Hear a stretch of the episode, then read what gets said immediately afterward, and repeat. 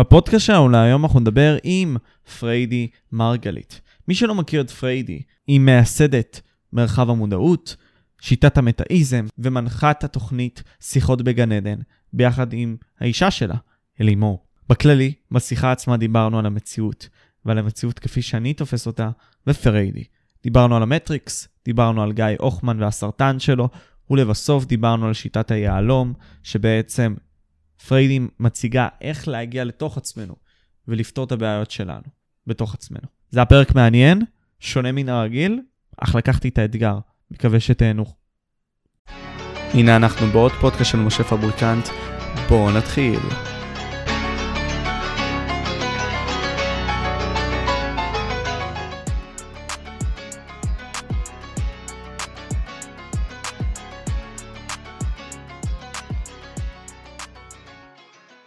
ואנחנו באוויר. קודם כל, פריידי, באמת, דיברתי איתך גם לפני התוכנית בנוגע לזה שאני מאוד נהנה מלצפות מהתוכן שלך ובדברים שאת מעבירה בעצם, ואני חושב שבגלל המהפכה התעשייתית, די איבדנו את הצד הרוחני הזה, ובאיזשהו מקום בישראל עכשיו את באה ומחזירה אותו ומנסה לתת אותו להרבה מאוד אנשים וזה מדהים.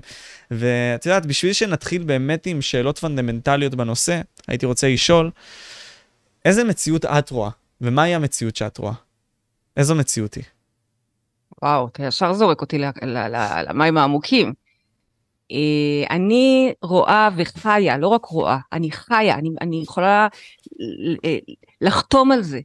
גן עדן זה כאן. מה זה אומר גן עדן זה כאן? זה לא סתם קלישאה, זה לא סתם השלט של הבית שלי והשלט של עוד עשרות אלפי אה, אה בתים, אה, תלמידים ש, שמצהירים את זה. זה לא רק מוטו, יש בזה מהות. המהות אומרת, גן עדן זה כאן, אנחנו אחראים לייצר לנו את הגן עדן שלנו, וזו המציאות שאני רואה.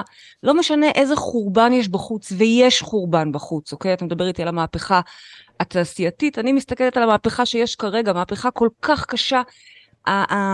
באמת, חורבן הבית, אתה יודע, מה שאתה אמרת, שאיבדנו את הרוח, אתה ממש ככה נוגע במילים של גדולים. הבעל שם טוב אומר שחורבן הבית זה כשבעצם אנחנו לא מחוברים לרוח שבנו. זה כמו איזה, איזה אה, פרח שאולי הוא אה, אה, נמצא באגרטל ומחייך אליך, אבל הוא כבר מת, הוא כבר נבל. ברגע שאתה כתבת אותו, ניתקת אותו מהמקור שלו, מהאדמה שלו, זהו, הוא כבר מת. גם אם הוא נראה לך כרגע עוד צבעוני ויפה. כשאנחנו לא מחוברים לרוחניות שלנו, זה הגיהנום. החיים הם גיהנום, לא צריך ללכת רחוק, החיים פה הם גיהנום, ברגע שאנחנו לא מחוברים למהות שלנו. אז כשאני מדברת על גן עדן, תבין, זה גן עדן פנימי, שבו כל אחד באמת חי לעצמו את החיים הפנימיים, השלווים, אה, שהוא רוצה לחיות. אחר כך זה גם מתרגם החוצה, כי אני מאמינה ומלמדת שהמציאות היא בעצם כמו סרט, היא הולוגרמה.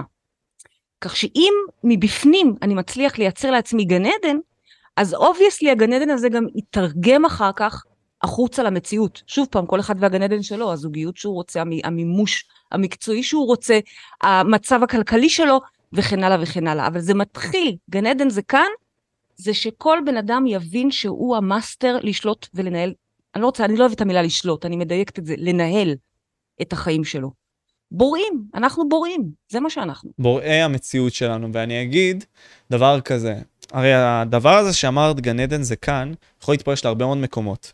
מקום אחד זה באמת לעשות פרוגרם, בעצם המוח שלנו, לכל מה שקשור למסרים חיוביים, כי מה שאנחנו זה מה שאנחנו צורכים במקום מסוים, זה דבר ראשון. ומעבר לכך, גם כדבר שני, אני אבוא ואגיד, החוויות המטלטלות של החיים, כלומר, הקשיים של החיים, נותנים לנו פרספקטיבה.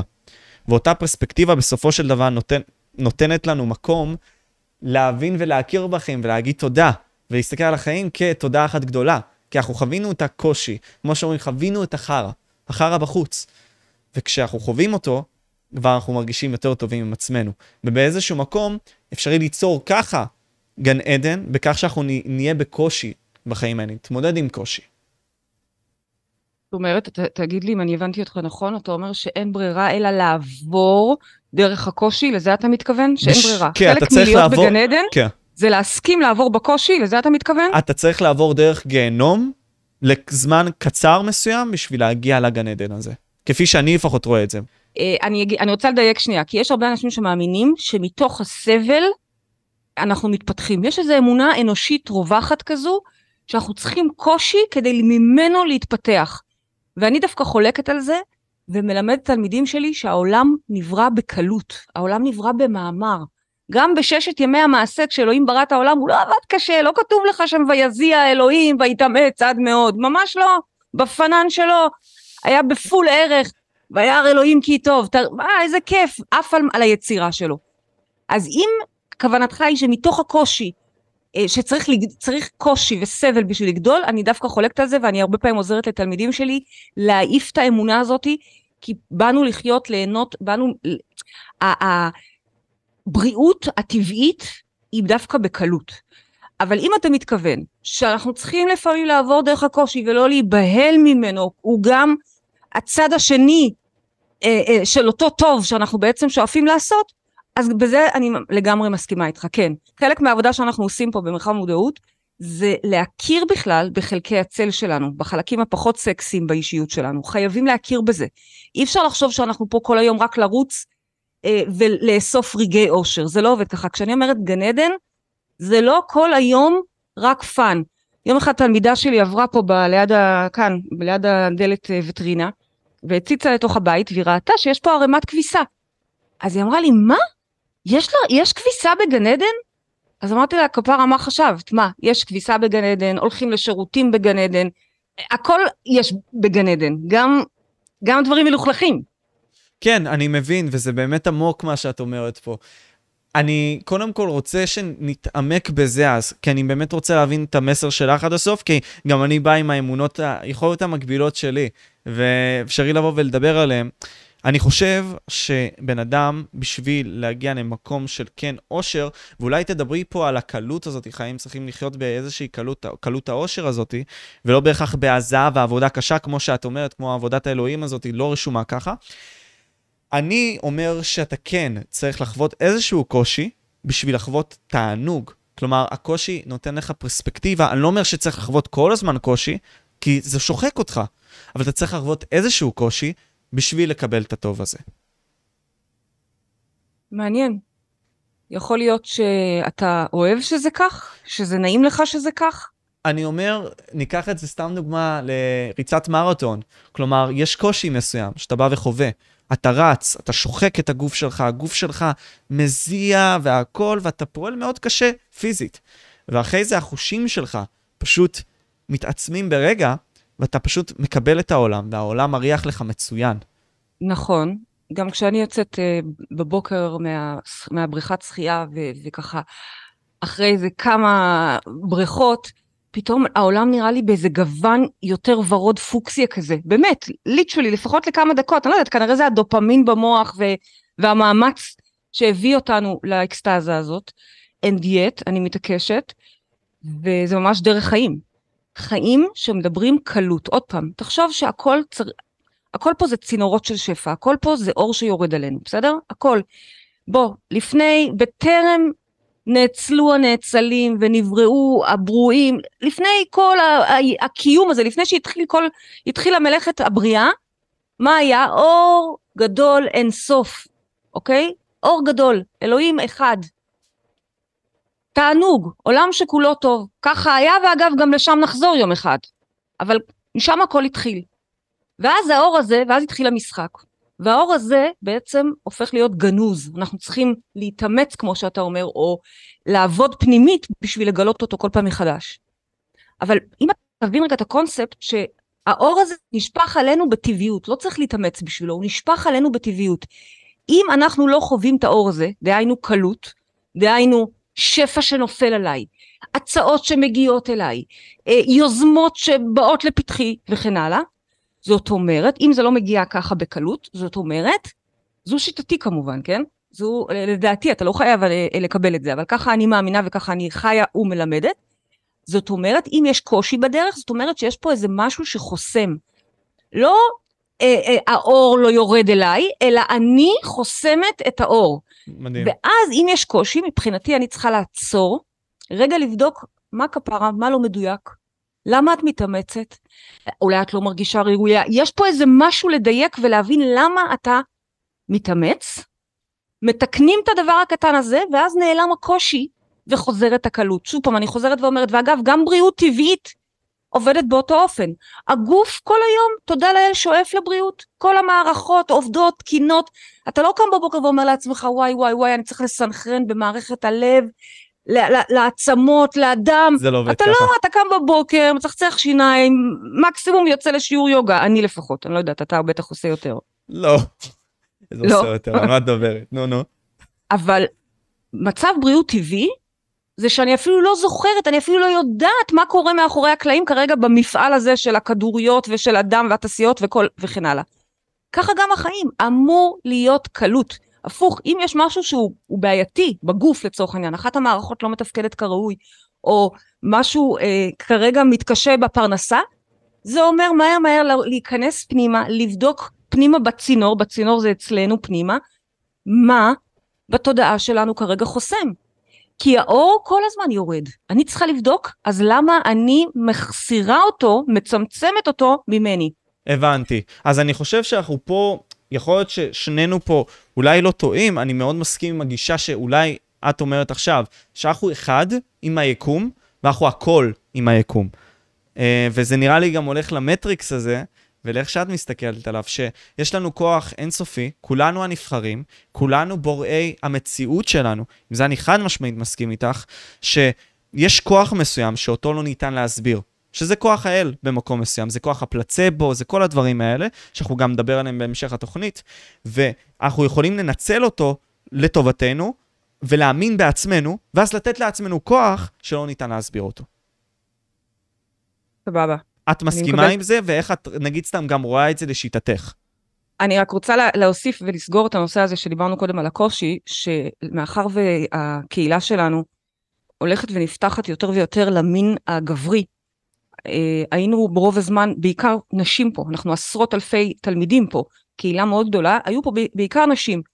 בשנים האחרונות אשתי, שתהיה בריאה, עושה ממש עבודת מיקוד לדבר גם אל גברים, נורא נורא חשוב לה לדבר גם אל גברים. ו- וככל שאני יותר ויותר מכירה את העולם הזה של הגברים, אני מוצאת שעובר שם איזה נרטיב אצלכם, סליחה, על ההכללה, תרשי אוקיי, לעצמך. שאוהבים את הקושי. שאחד למשל, במודל יהלום, שעוד מעט אם נספיק ניכנס אליו, אה, יוצא למישהו שמה, שהוא יצר את כל הבלגן הזה עכשיו בעסק, חתיכת בלגן גדול, בסוף כי הוא מרגיש גיבור. או, כי הוא אוהב להרגיש גיבור, כי הוא אוהב להרגיש מציל. מי צריך את החרא הזה? תביא לי קלות, תביא לי שפע, תביא לי מנוחת צהריים, תביא לי נוחות. תנסה לחשוב על זה, לא, אוקיי. האם היית מוכן לשנות את האמונה שצריך קושי גדול בשביל להתפתח? אתה צודק שמסע הגיבור, יש בו איזה אלמנט של גילוי וחיפוש, זה בסדר. ומתוך כל קושי צומחים, וקושי זה פרספקטיבה, ויש עוד מלא אמרות שפר. אבל תנסה רגע ככה להדהד, אפילו רק בשיחה שלנו, את המחשבה של מה אם יש עולם שהוא קל דווקא, שאתה יכול לחוות שפע בקלות, והערכה בקלות, והכרה בקלות. אני ככה רק מניחה את זה. אני, אז אם, אם את אומרת לי, אז טיפה נמשיך את זה ואני אשאל, מהי מטר, מטרה? וזה באמת כאילו, כי אני מנסה להיכנס לזה, ואני חושב שהרבה מאוד מהצופים שלי, את יודעת, מגיעים ממקום כזה סגור יותר.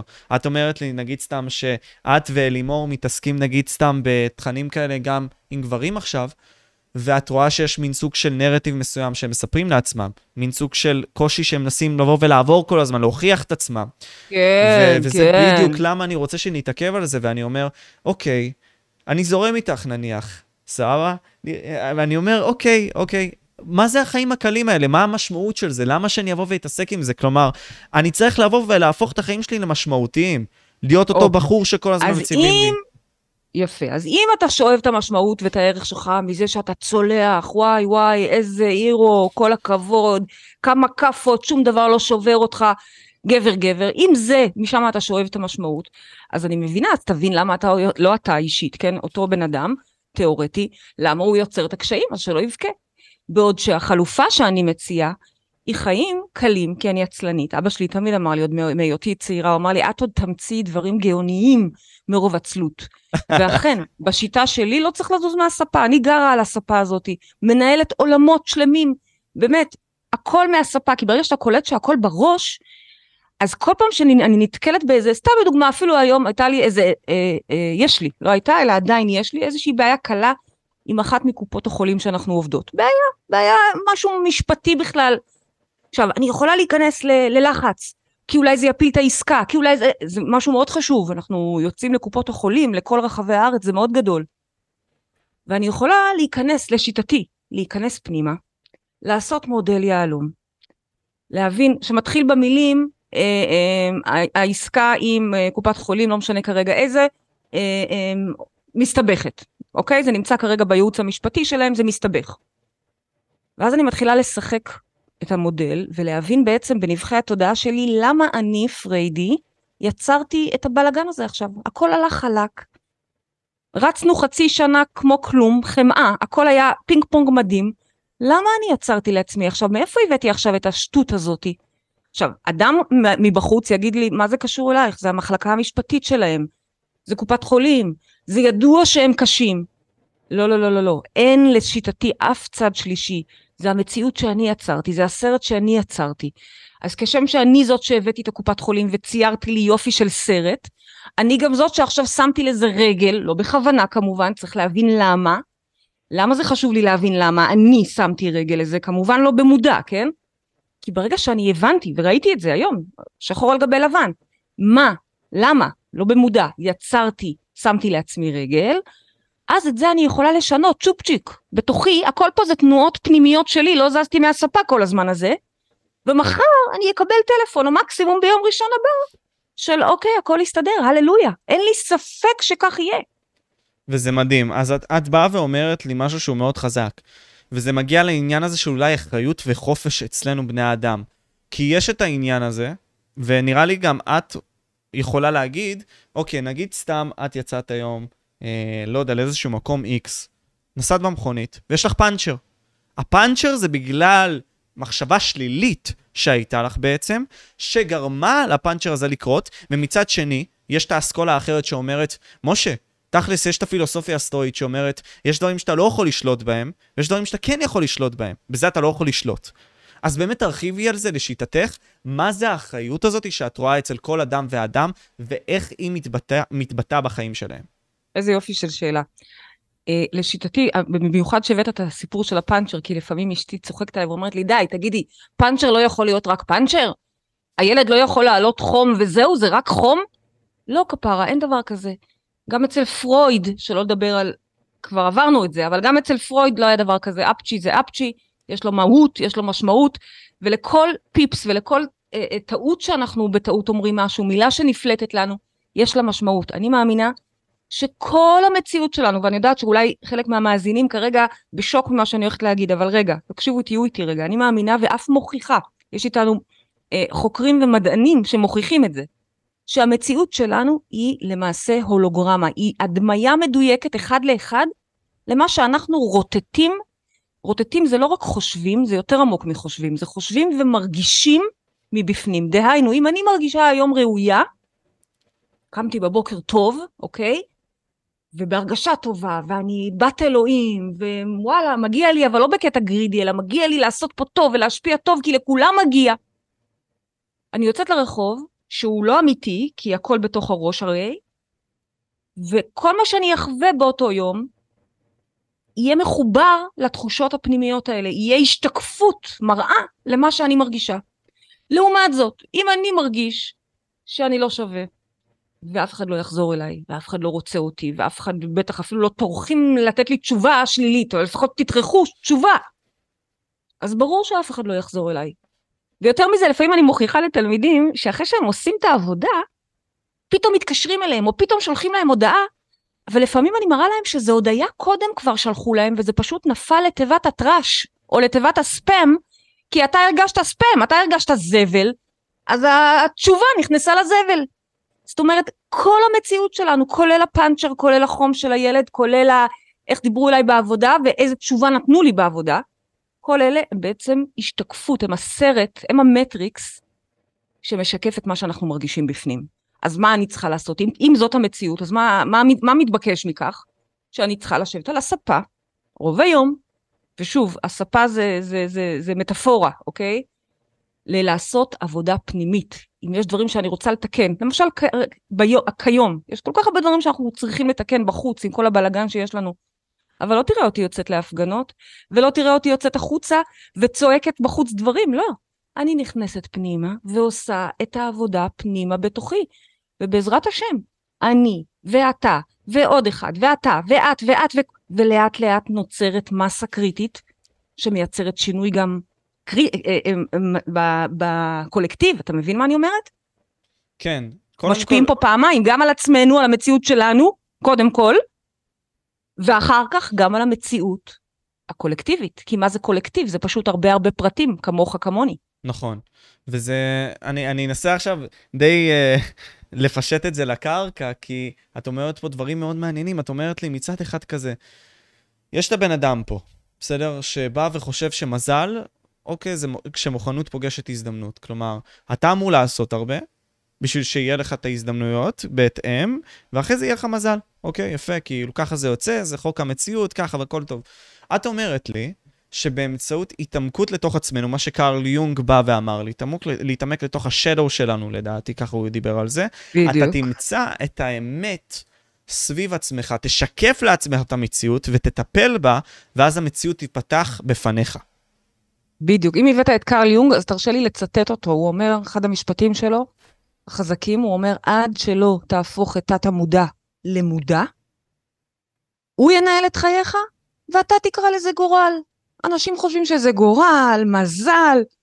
לא, לא, לא, לא, לא, זה התת מודע שלנו, זה התודעה שלנו. בואו ניכנס פנימה, נתחיל לעשות שם סדר. איפה שצריך לנקות, ננקה. יש כל מיני אמונות לא רלוונטיות, צריך להעיף אותן. צריך לעשות סדר, צריך להכיר את עצמנו בכלל, להכיר. יש לנו פתולוגיות לכל אחד, הרי מה ההבדל ביני לבינך? בסוף כולנו, כולנו, כולנו, לא משנה באיזה צבע, איזה לאום, איזה, כולנו יצוקים מאותו אחד. כולנו במקור אנרגיה אלוהית, אתה יכול לקרוא לזה אהבה, אתה יכול לקרוא לזה יקום, אתה יכול לקרוא לזה אלוהים, מה שאתה רוצה, מה שעובד לך. מה ההבדל בינינו? ההבדל הוא בשריטה. אותו אלוהים משכפל את עצמו לאין סוף ברואים, כולנו ברואים בצלמו, זה כתוב בבראשית, וההבדל בינך, ביני ובין כל אחד ואחד מאיתנו זה השריטות, זה הדגם המיוחד של אלוהים. אלוהים בצורה של משה, אלוהים בצורה של פריידי, אלוהים בצורה של כל אחד והאבטר, המלבוש המיוחד שלו. כשאני אומרת מלבוש, אני לא מדברת רק על המטר שישים, מטר שבעים, צבע שיער ועיניים, אלא על כל מכלול הדפוסים והפתולוגיות. הכישרונות שלנו אל מול השריטות שלנו.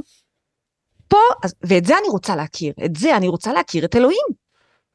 על, על, על החוזקות שלו ועל הצל שלו. כי ככל שאני אכיר אותו, אני בעצם אוכל להתחיל לנהל את המציאות שלי. למשל, אני, אתן לך דוגמה, אני ילדה, במהות שלי, בפתולוגיה שלי, אני ילדה דחויה. קודם כל נעלבת. אבי נעלבי, כזה. אז obviously כילדה, זה ילדה דחויה, וילדה ש... שוב, אני לא רוצה אפילו להגיד לא רוצים לשחק איתה, כי זה המציאות שאני יצרתי לעצמי, כן? אבל הרבה סיפורים של דחייה. עד שמגיע הרגע שנפקחות העיניים שלי לפני 13 שנה, ואני פתאום קולטת שזה פה, פה. אני, אני בוכה על משהו, כביכול זה משהו חיצוני, אבל זה פה בתוכי. זה בהארד דיסק שלי, ויש לי גישה להארד דיסק הזה. כי לכל אחד יש גישה.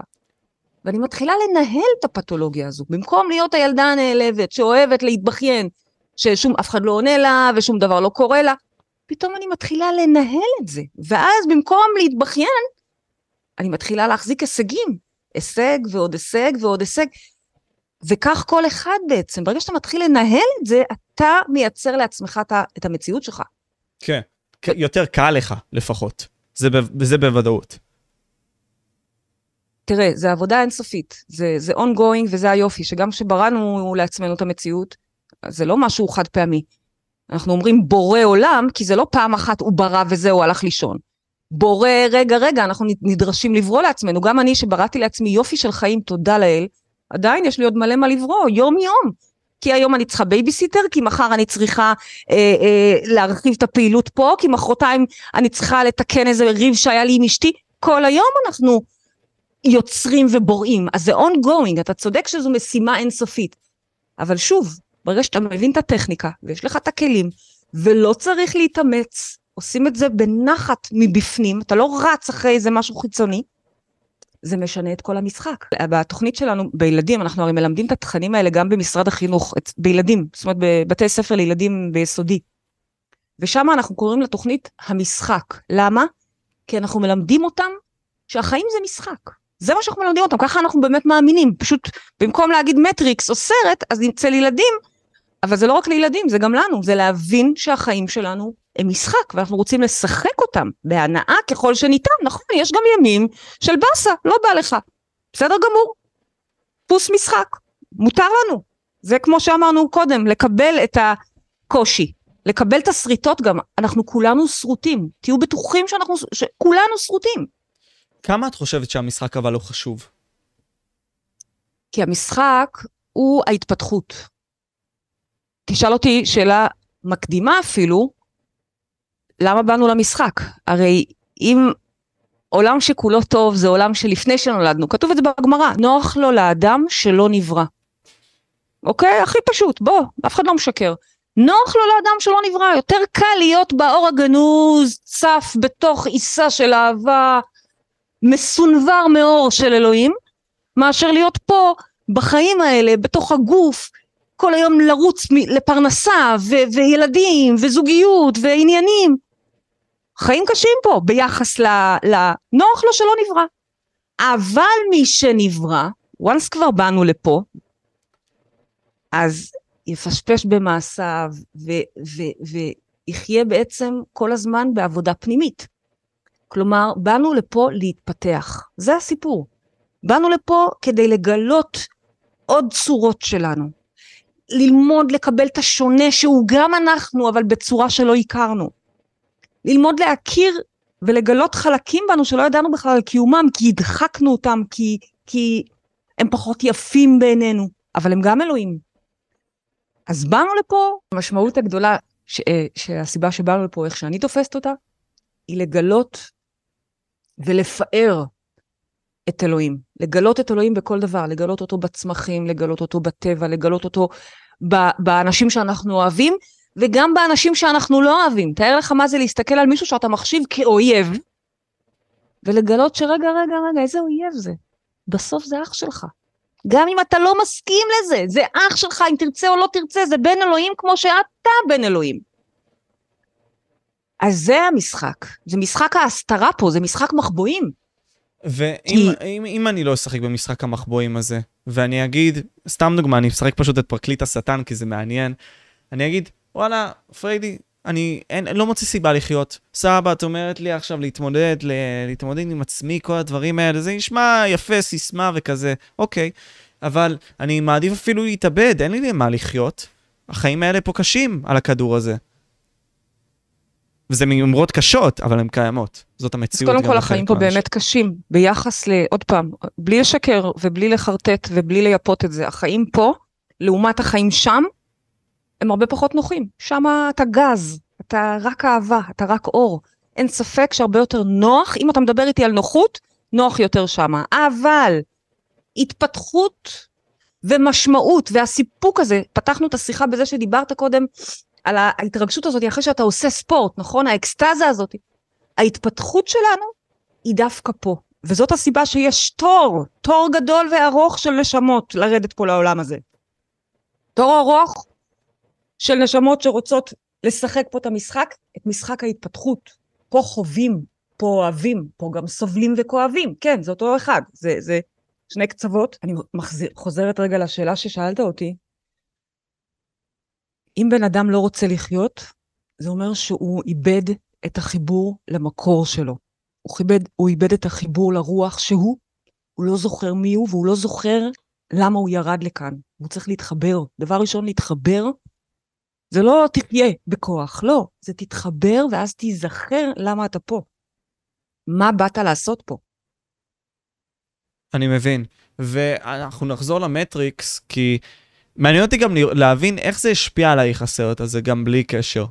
כי אנחנו מדברים פה על הרבה מאוד אנלוגיות, אה, ואנחנו מדברים פה על העניין הזה שהנבחר, מדברים על זה של כל מה שקשור ללהבין מי מאחורי המטריקס, בכדי שאנחנו נוכל לשלוט על המטריקס, כביכול. אז באמת תרחיבי על זה, זה מעניין אותי. איך זה השפיע עלייך הסרט הזה? אני אגלה לך, אה, משה, כמו שאתה יודע, אני נולדתי, אני חרדית במקור שלי, אז אני את הסרט מטריקס ראיתי שנים, שנים אחרי שבעצם חוויתי את ההארה. קודם כל חוויתי הארה, ורק אחרי זה, כשהתחלתי לדבר ולדבר אותה, כולם אמרו לי, את חייבת לראות את המטריקס, את מדברת כמו המטריקס.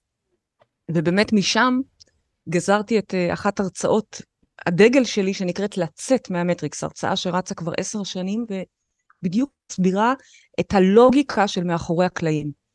אז אני אגלה לך שהסרט הוא לא היה הדבר שהשפיע עליי כל כך, כי גיליתי אותו בשלב הרבה הרבה יותר מאוחר, אבל ההערה שקדמה לו, ההבנה הזאת היא שבעצם אני חייתי בעולם חומרי. שחקתי בנדל"ן, קניתי קרקעות, השבחתי, מכרתי, מבחינתי שיחקתי מונופול. ולא היה לי מושג, באמת, לא היה לי מושג. אני מסתכלת עליך בגילך, לי לא היה בגילך, לא היה לי מושג בכלל שיש פה עוד רובד לחיים. אני חשבתי שמה שרואים זה, זאת האמת. הצלחה נמדדת בכסף, אושר אה, נמדד ב, ב, בדברים, ופתאום לגלות, זאת הייתה הערה שהשפיעה עליי. הרבה יותר מהסרט המטריקס, אבל פתאום ההערה זה היה אחרי שאחי נפטר. הוא היה בן 14, וגיל... לא? נכון, הוא היה בן 14 ממחלת הסרטן, אחרי כמה שנים מאוד מאוד קשות של מלחמה בסרטן. כשהוא נפטר זאת הייתה הקלה מאוד גדולה לכולם, לאימא שלי, לנו, כולנו. לראות ילד סובל זה דבר מאוד מאוד לא מרנין. אבל לא ידעתי שההערה שלי עומדת להגיע, כי מה שקרה דווקא אחרי שהוא נפטר, זה פתאום חוויתי אותו, הוא התגלה בעצם בפניי. ניסיתי כמובן להדוף את זה, אבל מאחר וזה המשיך והמשיך והמשיך, התעקש. אני רק אספר בקצרה שפתאום גיליתי שלא באמת מתים. עכשיו, אני, מה זאת אומרת? מבחינתי מוות זה, זה הדבר הכי ברור. יש לי תמונה שלו, שמורידים אותו ככה עטוף בטלית לתוך הקבר. אז מה זאת אומרת לא מתים?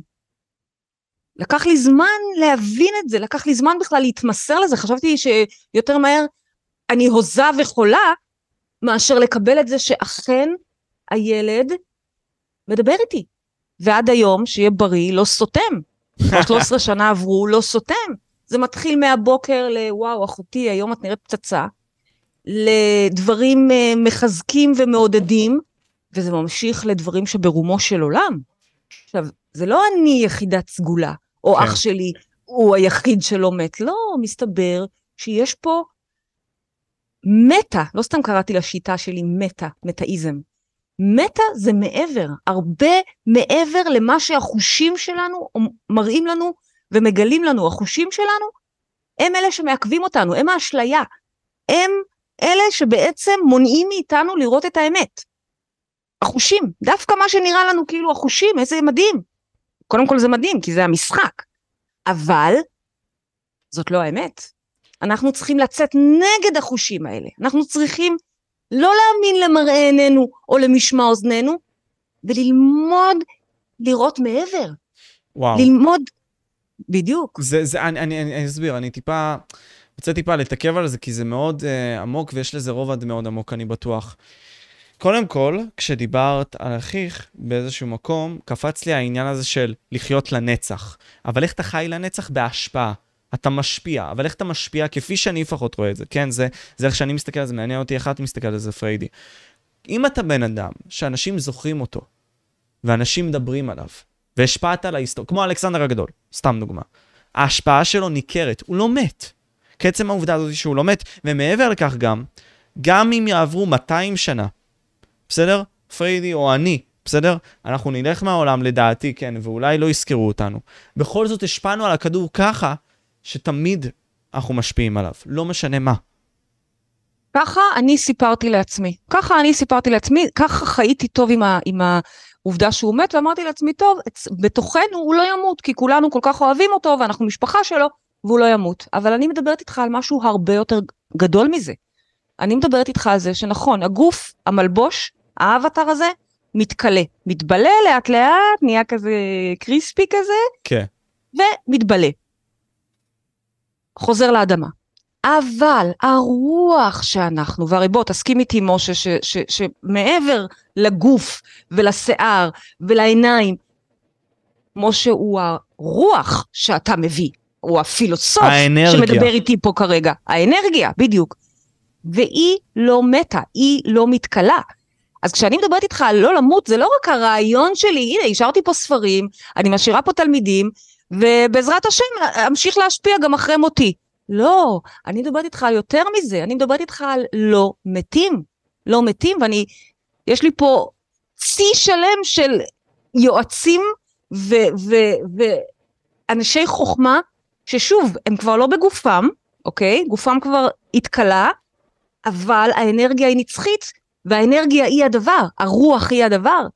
אז בעצם אנחנו ממשיכים לחיות מעבר לגוף הזה. הגוף הזה כבר אה, אה, אה, מזדכים עליו, אבל הנשמה, בוא נקרא לה ככה, אוקיי? התודעה נשארת לנצח. וזה משהו שאני, פריידי, לא ידעתי, אני באמת חשבתי שמתים. ופתאום לגלות שלא מתים, לא מתים.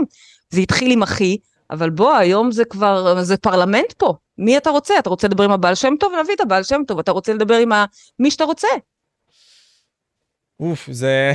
אני, אני אסביר לך, אני, אני אגיד לך מה לקחתי אני... אותך מדי למחילת הארנב? אני אוהב את זה, זה מעניין, מהסיבה הפשוטה שאני מרגיש פשוט את האנרגיה, את הוויברציה, נמצאת פה החזה שלי על הבטן, וזה מאוד מעניין. זה מאוד מעניין התחושה הזאת. כי מצד אחד אני לא יודע איך להתמודד עם זה. ומעניין אותי מה שאת גם את עושה. לא, אני סתם נהנית, אני נהנית אה, מהחבורה. ואני מרגיש את אני הוויברציה, נהנית. אני באמת מרגיש את הוויברציה הזאת, כי מצד אחד אני אומר, זה נשמע לי הזוי, עד כלא ידע, באמת. מצד שני, אני אומר, יש בזה משהו, בוא נתעמק עליו, כי זאת המציאות, וזאת התפיסה שאת באה ומעבירה, וזה עמוק, ואני בטוח... אני חשבתי כן. שאני הוזה. אני יותר היה לי קל לחשוב שיש לי בעצמי איזה גידול בראש שמוציא אותי משפיותי, או לפחות, לא יודעת מה, משהו פסיכיאטרי, מאשר להאמין שזאת האמת. עברתי מסע ארוך, ואני מדברת עליו גם בספר שלי וגם בפודקאסטים שלי. מה, איך קוראים לספר בס- שלך למי שלא מכיר? גן עדן זה כאן. שבהתחלה הוא מדבר את הסיפור, אוקיי? איך זה הגיע אליי כל הידע הזה, איך התנגדתי אליו, ואיך בסוף לא הייתה לי ברירה אלא לקבל את הדברים כמו שהם. ואחר כך הוא עובר לעיון, לרמה פרקטית, אין מה לדבר יותר מדי סיפורים, כי כל השיטה מדברת על בלי יותר מדי סיפורים, בוא נתחיל לחיות נכון. אני זוכרת את הרגע הזה שהוא אומר לי, אחי, את לא רוצה לדעת מה מנהל פה את הדברים? נראה לך שאת משחקת, ומשחקת לא רע. הייתי, אמרתי לך, קניתי קרקעות, הבית הזה למשל בניתי עוד לפני תקופת הרוח. אז, אז לא שיחקתי רע, שיחקתי נחמד. אבל הוא אמר לי, את עדיין משחקת עם האשליה, את עדיין משחקת עם, עם החומר, עם מה שנראה לעיניים, זאת עדיין לא האמת. האמת היא הרבה מעבר. וכן, צריך תעוזה להסתכל אליה, ולקפוץ אליה, ולצלול למים העמוקים שלה. אבל תקשיב, זה מים כל כך מתוקים, כי ברגע שאתה מבין את זה, אם אתה קולט שלא מתים, בגדול, אתה מפסיק לפחד. ממה יש לך לפחד יותר? אתה, אין, אין, אין מוות. גם כשפיזית נעצום עיניים יום אחד לעד, אוקיי? יום אחד נעצום עיניים. אני לא חולקת על זה בכלל, אני גם לא מחפשת, אגב, אני לא מבינה את אלה שמחפשים חיי נצח. אני לא מבינה מי רוצה להישאר כלוא בגוף. אני מסכים, זה, זה מחשבה... מה זה? המוות- הפוך, אני רוצה... כן, המוות מבחינתי לפחות, ואני יודע שזו אולי לא הגישה שלך, המוות מביא לי את המשמעות, לעשות את הדברים והכל. זה, זה כן הגישה שלי, זה בהחלט הגישה שלי. המוות הוא, ה, הוא המתאר, הוא התיחום של החיים האלה. הוא זה ששם רגע את המשמעות ואומר, רגע, רגע, יש לך פה עוד 30 ומשהו שנה, רוצי, רוצי כפרה, יש לך עוד מלא להספיק, אוקיי? לכולנו. אבל תנסה רגע לדמיין שאתה מוריד את פחד המוות. כי לא באמת מתים, בסך הכל עוברים, לא סתם באנגלית אומרים pass away. כי you passing away. מסטייט מצב- אחד לסטייט אחר, בדיוק. בדיוק, ממצב צבירה אחד, כרגע אנחנו גוף, חומר, דחוס, עוברים למצב של אתר, ואחר כך בכלל עוברים למצב של רוח. אבל איך הגענו לדבר על מוות? אני תמיד אוהבת לדבר על מוות. אני מאוד אני, אוהבת את את יודעת, המוות. שמתי לב על זה, אה, באיזשהו מקום, באמת רצית גם לדבר על זה בפודקאסטים אחרים, שראיתי שלך, ולא באמת התעמקת בזה. המוות הוא באיזשהו מקום דבר מאוד מפחיד, ודיברתי על זה עם מישהי שנמצאת איתי בצבא, ואומרת לי דבר כזה, משה, תקשיב, אני כל הזמן מפחדת מהמוות של סבתא שלי. כי כשהיא תלך מהעולם, אני לא יודע מה לעשות. ודבר שני, למה לי כל הזמן לחשוב על המוות? הרי המוות זה דבר כזה מקפיא, מונע. בוא פשוט אני אעשה מה שבא לי וזהו. אבל אלך עם האינסטינקטים, פחות בקשר של ניהול. באמת תסבירי לי איך את מתייחסת למוות ואיך את מסתכלת על זה, כי זה בסוף, כביכול, נקודת השלב הבא שלנו. אבל אנשים מפחדים מהשלב הבא הזה. נכון, אנשים מפחדים, ואני חושבת שכולנו באיזשהו מקום גם לא רוצים לאבד את היקרים שלנו. אני רוצה את הילדה שלי פה איתי, בחיים האלה, לחבק אותה, לא רוצה לדעת שהיא איזה נשמה. אני מבינה, יש לי, יש, יש לי אימהות בקהילה שחלקן שכולות, ועל אף שהן לומדות לדבר עם הילדים שלהם, ואפילו לראות את הילדים שלהם ולשמוע אותם צוחקים ונהנים, זה לא מנחם, כי הן רוצות פה, הן רוצות פה לקנות להם גלידה, לצעוק עליהם ולריב איתם בגיל ההתבגרות. זה חלק מהעניין, אנחנו רוצים את האנשים שאנחנו אוהבים פה, כך שהרבה פעמים הפחד ממוות הוא לא רק מוות שלנו, אלא באמת מוות של האהובים שלנו. אבל אה, אם אדם מבין שהוא מסכים למות, מתישהו אנחנו נמות. יש איזה אה, נזיר זן שאומר שהחיים הם כמו סירה טובעת. מהרגע שאתה נולד מתחיל שעון חול הפוך, ו... ומתישהו הסירה תטבע, שוב, מ-60 שנה, מ-70 ומי מאריך ימים ל-90, אבל מתישהו כולנו בסופו של דבר טוב, הסירה טובעת. אבל אם אתה לא מפחד מזה, מי, ש, מי, מי שרוצה באמת לחיות, שיוותר על הפחד למות, שיסכים למות, בדיוק כמו שדיברת עם החברה הזו, שכן, אני אחיה פה, מתישהו כולנו ניפגש שם בעבר השני. ובינתיים, בואו נטרוף את החיים. בדיוק. בינתיים בואו נתפרע, הפוך, בגלל שאני כבר לא מפחדת, כי מה אכפת לי, אני ב mind שלי כבר מתישהו מתתי. אז עכשיו אני יכולה לחיות. במילים אחרות, מי שלא מפחד למות, יכול לעוף על החיים שלו, לא מפחד לחיות. אני אפילו הייתי אומר, תסתכל על המוות בעיניים ותכיר בו ותגיד, היי, אתה קיים. חמוד. לגמרי. אתה נמצא פה. ו- בדיוק. ואיך אתה עושה את זה? אתה עושה את זה כמו שאת אמרת, בחקר העצמי הזה, של ההתעמקות נכון. הזאת. כי בסוף, בהרבה מאוד מהמקרים, זה מה שאהבתי בפילוסופיה, זה ההתעמקות הזאת וההבנה שאם אתה תבין את הידע הזה, הוא יכול לבוא ולהוביל אותך למשהו יותר טוב. זה כמו האנרגיה הזאת, איך שלא נקרא לזה, זה יכול לסדר לך את זה במקומות הנכונים, את הפאזל. אז במקרה האישי שלי, בגיל 19, 18, אפילו 18 לפני שהתגייסתי לצבא, הבנתי שאין לי מספיק זמן, ואני צריך למקסם אותו, כי אני לא יודע מתי, זה, מת, מתי הדבר המדהים הזה ייגמר. הריקוד היפה הזה. מהמם. ובדיוק פה, אני רוצה לשאול, איך פרקטית לדעתך, כי אנחנו דיברנו בערך על העניין הזה של ההתעמקות בתוך העצמי הזה. ויש לנו את האמונות המקבילות שלנו, וחלק מהם זה גם מוות. כלומר, הפחד מהמוות, או הדבר המקפיא הזה בעצם, החרדה הזאת. איך באמת אני מתמודד איתה, פריידי? אני חושבת שהפחד היותר גדול שלנו הוא לחיות. וואו. תקשיב, למות, כולנו נמות. השאלה היא, האם כולנו באמת נחיה? האם כולנו באמת ניתן דרור לכישורים שלנו, לתעוזה שלנו, לדברים שיש לנו להביא לעולם? האם באמת נצליח להביא את זה? זאת השאלה. והמטרה שלי היא לא לעזור לאנשים למות, גם, אני מאוד מאוד אוהבת לעזור לאנשים למות, כשיש, לא, לא, באמת, זה תפקיד שאני עושה חסד של אמת, כשאנשים נמצאים במעבר, כולם יודעים, פונים אליי, אני עושה, אני לוקחת אותם לסיור, הם רואים מה קורה שם למעלה, ומתים בשלווה גדולה ובחגיגה. אבל התפקיד שלי פה, לפחות מול עשרות אלפי התלמידים שלי, זה לעזור להם לחיות פה טוב. זה לממש, זה, זה, זה להתפתח, זה להגשים את החלומות שלנו, לעשות לעצמנו ולעולם טוב. וזאת השאלה, זה הדבר שאני רוצה לחקור. פה הכלים הם, הם, הם, לזה, משמשים לזה. הכלים שאני מלמדת. לא, אני מבין, אני מבין. ואת אומרת לי על הכלים שלך, ואמרת, הפחד מלחיות, וזה כה עצום. אני נגיד, מתעמק בזה בימים האחרונים, ובכללי בחודשים האחרונים. יש חרדה, לפעמים, שמגיעה מעשייה. מין סוג של מחסום פיזי שאתה מרגיש בין אם זה ברוח, איך שלא נקרא לזה, שמונע ממך מלעשות, כי המוח הרציונלי בא ומגביל אותך. אומר לך, היי, אה, גורילה, היי, הייפ, אתה צריך לבוא ולהימנע מהדבר הזה והזה והזה, וזה מונע ממך מלעשות את הדבר הזה שאתה רוצה לעשות. ואחרי זה, אתה מבין שאתה פשוט לא עושה את זה. ואז אתה בגיל מבוגר מאוד נזכר בזה, מסתכל אחור ואומר, fuck, איזה מטומטם הייתי. איך באמת אנחנו מתחילים לחיות לדעתך? כלומר, ברור שזה בשלבים מאוד, וזה בתהליך כמו שאת אמרת. תקשיב, זה משהו שהוא, זה לא רק בגיל אה, מבוגר, זה גם פה ביום-יום שלנו, אוקיי?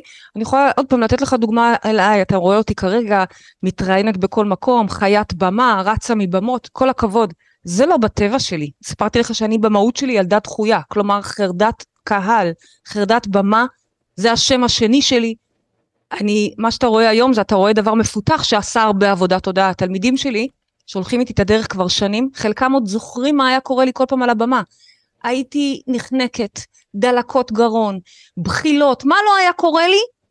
מרוב פחד קהל. למה? כי במוח, במוח זוחלים שלי, אם אני אעלה על הבמה ולא אדבר את הדברים בצורה רהוטה, או לא יאהבו אותי, או לא יבינו אותי, או לא משנה מה, זה יותר גרוע ממוות. חרדת קהל היא, היא יותר גרועה ממוות, ואגב, לא רק חרדת קהל, בכלל חרדה, לפעמים זאת החוויה. אז הנה דוגמה למשהו שצריך להתמודד איתו עכשיו. המוח הזוחל משדר לי סכנה. יצחקו עלייך, יחשבו שאת לא טובה, את פחד אלוהים, מוות, אני מדברת איתך לפני שנים, אבל שנים, ואני עדיין מתפתחת שם במקום הזה, כל הזמן יותר ויותר, וככל שאני עושה על זה עבודה, אז גם מה קורה בהתאמה? ההולוגרמה, המסך, המציאות, המטריקס, מחבק אותי יותר בגדול. כך קיבלתי את התוכנית רדיו שלי, וכך קיבלתי את הכתבות הקבועות, וכך וכך וכך. כלומר, כל פעם שאתם רואים קפיצה במטריקס, תהיו בטוחים שאני בתוכי עשיתי עוד עבודה על הילדה הדחויה הזאת, שלא תפחד, ממי, הכל בסדר. היום, היא כבר חברה שלי, היום הילדה הדחויה הזו ואני אחד הם.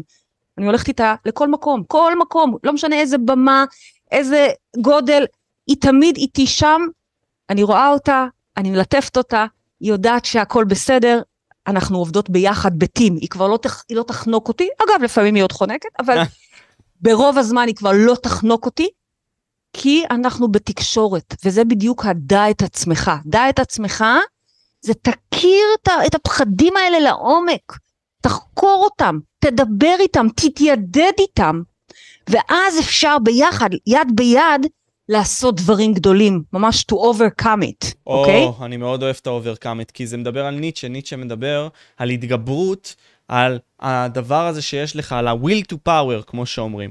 והוא אומר, הרצון לעוצמה פועל כאשר פועלת נגדו התנגדות. ההתנגדות היא באיזשהו מקום המכשול הזה, שאתה צריך להתגבר עליו, בשביל להגיע לאן שאתה רוצה להגיע. אז אנחנו דיברנו על חרדה, ו... נגיד, ההתמודדות עם החרדה, נגיד סתם מול קהל, גם לי זה היה ככה, אני חושב שלהרבה מאוד אנשים זה ככה, פריידי. את יודעת, הייתי בן 17 וראיינתי נגיד סתם פרופסורים ודוקטורים, ופתאום כזה, את יודעת, זה מין סוג של הרגשה מוזרה כזאת, אני לא אמור להיות פה, זה מוזר לי, זה, אני מפחד מה הולך, מאיך שהם יגיבו לי בסופו של דבר. וככל שאתה יותר עושה את זה, ומוכיח לעצמך שאתה מי שאתה אומר שאתה, ובסופו של דבר גם משפר את הכלים שלך, ואת אומרת את זה בצורה מדהימה, מביא את התת-המודע למודע, בכך שאתה מנתח את מה שהיה לך, אתה מגיע למקום יותר טוב, אני מניח. בטח. עכשיו, עוד פעם, לא להשאיר את זה לידי המקרה. אתה יודע, בקבלה אה, מדברים על מה זה נס. נס זה בעצם דבר שהוא לכאורה, ההגדרה של נס זה משהו שהוא מעל הטבע. עכשיו, אני מאמינה שזה לא נס, זה מתודולוגיה, ככה אני, אחד הדברים שאני מלמדת, ויש לנו על זה אגב מחקר, יש עכשיו מחקר באוניברסיטת חיפה, שחוקרים את הניסים. תחשוב איזה, איזה דיסוננס מדהים זה מחקר בניסים, מה הם עושים? הם לוקחים מלא מלא תלמידים שלי, וחוקרים אותם לעומק, לעומק, לעומק, מחקר איכותני, על מה עשית, או מה עשית כדי לייצר את הנס הזה. הם רוצים להבין, כי מה אני אומרת? שוב, בהמשך לקבלה, נס זה מעבר לטבע. זאת אומרת שזה מעבר לטבע של עצמך. בטבע של עצמי אני אולי ביישנית וחרדתית שלא ידחו אותי, זה הטבע שלי, אבל אם אני יוצאת מהטבע שלי והולכת באומץ נגד הטבע הזה, אז הנה אני מחוללת לעצמי נס. ושוב, אפשר לבחון את זה מדברים כמו שאנחנו כרגע מדברים על, על, על חרדת קהל, שפתאום אנחנו יוצאים לאור ועושים דברים גדולים מאוד, ועד אנשים שמרפאים את עצמם. יש לנו עוד מחקר במחלקה אונקולוגית, ששם אנחנו מודדים בתוך המחלקה, בתוך בית החולים, ואגב, עד עכשיו עשינו רק באיכילוב, אני שמחה לבשר שהחל מאחרי החגים, מאוקטובר, אנחנו נכנסים גם לסורוקה, והיד עוד רחבה, אני מאמינה שנגיע לכל בתי החולים, מדהים. יש מלא שרוצים אותנו, זה עניין גם של תקציבים ומימון, אבל באמת, תודה לאל, יש לנו הרבה אנשים שעוזרים לזה לקרות. ומה אנחנו מודדים שם באונקולוגית? אנחנו קודם כל מלמדים את השיטה, את הנשים החולות, המתמודדות עם הסרטן, ואז הן מתחילות לחיות את זה. כלומר, הן כל אחת חוקרות ומבינות רגע את הטבע שלהן, מה הטבע שלהן שיצר בעצם את המחלה.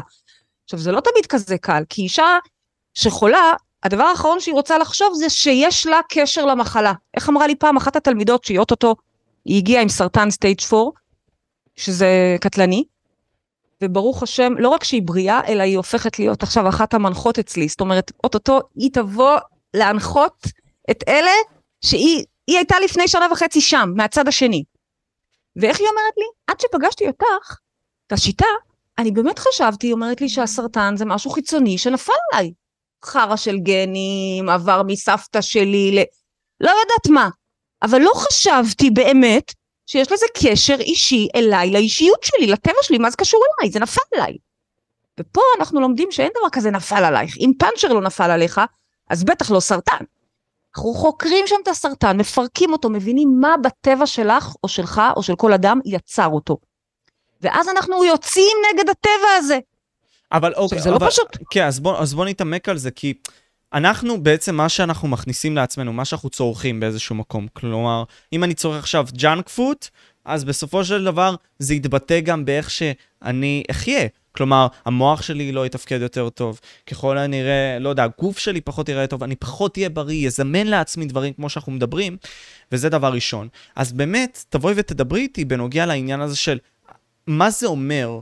אבל אתה מבין שאני מדברת על רובד אחר. על הרובד האישיותי. כן. כן, מבלי לסתור את מה שאתה אומר, אני מסכימה איתך, אם אדם אוכל סוכר כל הזמן, junk food, בעיה מאוד גדולה, מה הוא שם בתאים שלו, בעיה. אבל אני מדברת על רובד אחר. מה באישיות יצר את הפתולוגיה הזו? כלומר, אנחנו רוצים להבין, אם נוצרה שם מחלה, וזה אגב לא רק סרטן, סרטן זה המחקר שלנו, אבל זה כל מחלה, ואנחנו מטפלים ועובדים עם כל דבר. אה, אה, מה יצר את זה תודעתית? איזה דפוס? למשל, אני יכולה לתת לך דוגמה. בספר שלי אני ממש מפרטת שם בנספח כל איבר ואיבר, ושוב, זה לא שאני המצאתי את זה, זה, זה אוניברסלי. זה, זה בכל השפות, בכל ה... כל מי שמדבר רוחניות יסכים שתפקיד היד הוא עשייה, ותפקיד האף, התפקיד הפילוסופי של האף זה לרחרח, זה להרגיש בחושים מי, מי טוב לך ומי פחות, למי לתת, במי לתת אמון ובמי פחות, אוקיי? זה תפקידו של האף בין השאר. אז כך כל איבר ואיבר יש לו את התפקיד הפילוסופי, ואנחנו רוצים לנתח כשאנחנו באים עם איזשהו איבר חולה, אוקיי? אני מדברת כרגע על סרטן, אבל זה גם לא חייב להיות, כן? זה יכול להיות גם דברים הרבה יותר קלים. אנחנו רוצים לפענח מה שם נפגע. למשל, אני אתן לך דוגמה, בגלל שאנחנו בסרטן האישה, המחקר שלנו הוא במחלקה של נשים, אז הרבה הרבה אה, עם סרטן השד, סרטן השחלה, סרטן הרחם. שד למשל, זה, זה איבר שכל תפקידו, מה מהותו של השד מבחינה פילוסופית? להעניק, להעניק ולהעניק. הוא מעניק לעולם, הוא מעניק לילדים שלו והוא מעניק לעולם. וזה באמת תכונה יפהפייה של אישה ובכלל של בן אדם, של נתינה, זו תכונה יפהפייה. אישה בלי נתינה, מה, מה היא? היא לא אימא במהות. אבל כאשר הדפוס היפה הזה יוצא משליטה והופך להיות ריצוי, ריצוי, ריצוי, ריצוי, זה כבר לא נתינה, זה כבר פתולוגיה. שם בעצם השד נפגע.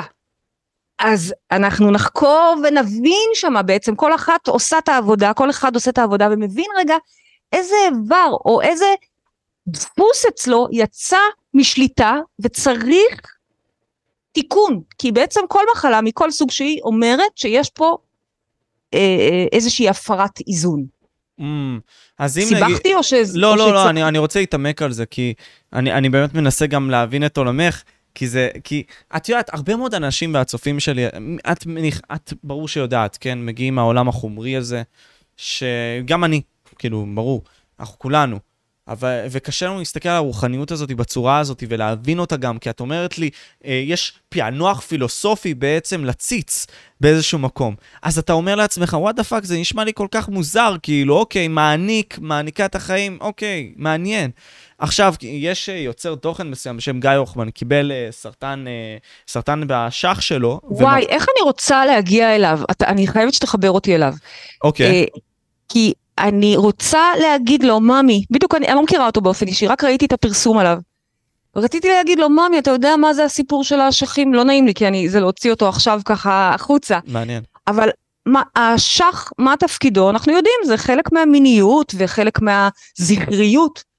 אז בדרך כלל זה מצב, אנחנו מטפלים הרבה בסרטן האשך, וזה צ'יק צ'אק יכול להיות מאחורי זה, אם הוא רק יבין שיש שם משהו לא ממומש. משהו לא ממומש מינית עד הסוף. ובמה זה מתבטא? סתם דוגמה, במה זה מתבטא? זה בסקס? אה, או במה בדיוק? אוננות? במה זה בדיוק זה מתבטא? זה יכול להיות בסקס, אבל זה יכול להיות גם שהוא לא הולך עם עצמו במיניות שלו עד הסוף. עכשיו, השח והמין, אזור המין שם, הוא לא רק על הסקס, אלא הוא גם על מימוש של אה, הון, אה, של כישרונות. אז יש שם משהו, אם אני הייתי יושבת איתו עכשיו, הייתי חוקרת אותו, הייתי עושה איתו עכשיו מודל יהלום, ואני ממש רוצה להגיע אליו, הייתי עושה איתו מודל יהלום ומראה לו, הוא בעצמו, בתוך כמה דקות היה רואה מה חסום שם, וכרגע מייצר את התאים הסרטניים. נפתור את הדבר הזה, שזה אומר לצאת נגד הטבע, ככה עושים ניסים. מה זה אומר לצאת נגד הטבע? במקרה הזה, ללכת עם עצמו עד הסוף, איפה שהוא מפחד, איפה שהוא לא הולך עד הסוף, ללכת שם עד הסוף, ו... שלושה חודשים אחרי זה עוד פעם עושים MRI, נס גדול היה פה. האם זה נס? קודם כל תודה לאל, אני תמיד אומרת, לא אכפת לי איך זה נס לא נס, תודה לאל. אבל יסביר לך אחר כך אותו בן אדם שריפא את עצמו ויש לנו פה כאלה אלפים, שהוא עשה בשביל זה משהו, הוא יצא כנגד הטבע של עצמו. אז אני לא מכירה את גיא אישית, אבל יכול להיות שהמיניות שם לא ממומשת עד הסוף, יכול להיות שב... אמ, אמ, בקריירה, בתעוזה, שמצד אחד אנחנו מכירים אותו והוא עושה דברים יפים, אבל יכול להיות שמבפנים הוא יודע שהוא נועד ליותר. כלומר, האשך שלו אומר לו, אל תבלבל לי בביצים, אני ואתה צריכים להיות במקום אחר. זה מה שהאשך בא ואומר. האשך רוצה שהוא יתפוצץ על החיים ו- ו- ו- ויטרוף אותם. כאילו להכיר את החיה שבך וללכת איתה עד הסוף. זה מה שהאשך אומר. וואו. וברגע ו... שאנחנו כן. עושים את השינוי הזה, שלושה חודשים, זה מה שאנחנו צריכים בדרך כלל, שלושה חודשים, והופה, בן אדם בריא. אז באמת תספרי לי על הדרך חשיבה הזאת, כי זה נתינת משמעות, שנשמעת אולי לבן אדם מהצד כהזויה, איך מביאים אותה? מה היא בעצם? כלומר, מי באמת פענח? סתם דוגמה עכשיו, דיברנו על הביצים ועל הציצי ועל הכל, איך באמת אפשרי להטיל משמעויות כאלה על האיברים האלה? מי אנחנו שאנחנו נגדיר את זה? כל הדברים האלה, אני אשמח שתיכנסי על זה, פריידי. אז אני אגיד, קודם כל, ברגע שאתה מבין שהמציאות היא רק סרט, חלום, הולוגרמה, אז כל דבר יש לו משמעות. גם הפאנצ'ר בגלגל וגם החום של הילד, אני חוזרת בכוונה על אותן דוגמאות כאלה קטנות. אבל זה לא קטן. כשקורה פאנצ'ר בגלגל, אני שואלת את עצמי, אז לא רצית ללכת לפגישה הזאתי? אוי, מאמי, כי זה מה שעשיתי, זה מה שעשיתי, חרבנתי לי הרגע את הפגישה, כי לא רציתי כנראה. לא משנה אם כי פחדתי, ומאוד מאוד רציתי, אני אומרת לעצמי, לא רציתי, אבל לא, מבפנים, אני שואלת אותה מבפנים, אותי לא מעניין המודע. כל הדיבורי סרק האלה לא מעניינים אותי. אותי מעניין מה מבפנים הילד או הילדה רצו או לא רצו, כי הם אלה שעשו את זה. אז ברגע שאתה מבין שהכל זה סרט, אז לכל דבר יש משמעות. ולגבי הגוף זה דווקא קל. לגבי הגוף אפילו לא הייתי צריכה להמציא שום מודל ושום דבר. למה? כי זה נמצא לנו במקורות עוד מימים ימים. ובכלל אני חייבת להגיד לך, משה, אמ, אני לא המצאתי כלום. אני אומרת לך, הכל כבר נמצא במקורות, ולא רק במקורות. אתה כפילוסוף שמכיר באמת הרבה, הרבה סוגים אה, ואג'נדות ואסכולות, יכול לראות כמה הכל חוזר על עצמו. אם זה קבלה, ואם זה בודהיזם, ואם זה מטאיזם, ואם זה... בסוף אמת היא אמת היא אמת, נכון, אני הבאתי את זה בדרך שהיא מאוד קלה ומונגשת, כן, זאת הסיבה, אני חושבת שיש לנו קהילה כל כך גדולה, תודה לאל, כן ירבו. אבל בשורה התחתונה זה התחיל עוד, זאת אומרת זה נמצא במקורות, כתוב לנו, תקשיב, כתוב לנו שני דברים שאני רוצה להגיד, אחד זה בראשית ברא אלוהים, מה זה אומר? בראשית, ברא אלוהים. אלוהים ברא לנו את הקיום הזה, הסרט הזה, את ההולוגרמה הזו, שהיא מאוד יפה. מפה, זה תפקיד שלנו עכשיו יום יום לברוא לעצמנו את החיים. זאת אומרת, זה התחיל, הנה, הנחתי לכם פה עולם, עכשיו תבראו ותשחקו ותיצרו. אלוהים הוא גאון שנתן לנו, ושוב, אתה יכול לקרוא לזה אלוהים, אתה יכול לקרוא לזה יקום, אתה יכול לקרוא לזה אנרגיה, אה, שדה אחד, כך קוראים לזה במדע, איך שאתה רוצה. אל תתפסו, זה לא דתי, זה הרבה יותר גדול מדת. הכל פה בשבילך, באמת, אלוהים הוא, הוא, הוא האומן הכי נדיב שאני יכולה לדמיין. תחשוב על אומן שנותן לך, אומר לך, הנה, קוד פתוח. בבקשה, תמשיך את היצירה. קח את זה לאן שאתה רוצה, את התסריט. זה, זה, זה, זה הגדולה של הדבר הזה. את אומרת, תתגבר על המכשולים שלך ותגיע לאן שאתה רוצה להגיע. בדיוק. אבל שאלת לגבי הגוף, ואני אגיד לך, ב, ב, ב, בזוהר כתוב, כל העולמות, זוהר זה, זה בעצם קבלה, כן? כל העולמות כולם כלולים כולם באדם. כל היכולות שאנחנו מייחסים לגדול, הכל נמצא פה ונברא פה בתוך האווטאר שלנו, הכל. צריך להבין בדיוק כל דבר, כל feature, תחשוב שיש לך איזה אייפון מתקדם סופר סופר מהעתיד, וכל feature, כל touch, יש לו touch אחר, יש לו משמעות אחרת. עכשיו, אתה לא צריך להיות מתקשר או פילוסוף, מספיק לך רק להסתכל ולהבין את המשמעות של אותו איבר. מה המשמעות של היד הזאת? מה המשמעות של הברך? מה המשמעות? תחשוב, אדם, לכן אמרתי זה אוניברסלי. אתה לא צריך, רק להסתכל על האיבר ולהבין, אה, אז הלב זו משאבת אדם, אוקיי, שיש בה חדרים, והיא מספקת את הדם ומזרימה את הדם. אתה רק צריך להבין את, את, בעצם את הפונקציונליות של האיבר, ואז להבין, רגע, שנייה, אז מה חרבשתי שם בדרך? בדיוק זאת השאלה שגיא אמור לשאול את עצמו לגבי האשך שלו, או כל אחת מהתלמידות שלי שואלת את עצמה לגבי כל איבר אה, חולה שיש לה, אוקיי? וככה אנחנו מתקנים. מבינים איפה לקינו, איפה הלקות. זה לא פשוט לצאת, לצאת מהטבע שלנו, אתה יודע מה זה להגיד לאישה שהיא 40, 50, 60 שנה חיה בריצוי, ואפילו לא יודעת שהיא בריצוי, כי היא חושבת שהכי כיף לה לתת לילדים שלה, מה יותר כיף מלתת לילדים? היא לא צריכה כלום לעצמה, רק לילדים, רק לילדים, לבעלה. באמת, ככה היא חיה, היא באמת חושבת שזה הכי טוב שיש. עד שמגיע הסרטן, ואיזה בנות הזויות פה בקבוצה הזו, במחלקה, אומרות לה שזה בגלל שהיא מרצה, במקרה שלה. אתה יודע מה זה בשבילה עכשיו לצאת נגד הטבע הזה? מטורף. לא יודעת מה זה בכלל לא להיות מרוץ, מרצה. היא לא יודעת, והיא צריכה ללמוד, ופתאום הן מגלות את עצמם, תקשיב, יותר לא אכפת, הן לא, לא מבשלות בבית, הן מתחילות לטוס בעולם, ללמוד, לטפח את עצמן. והעיקר אני צריכה רק סיטי נקי, פט סיטי נקי, דברו איתי בפט סיטי נקי, זה מה שאני בסוף מעניין אותי, אוקיי?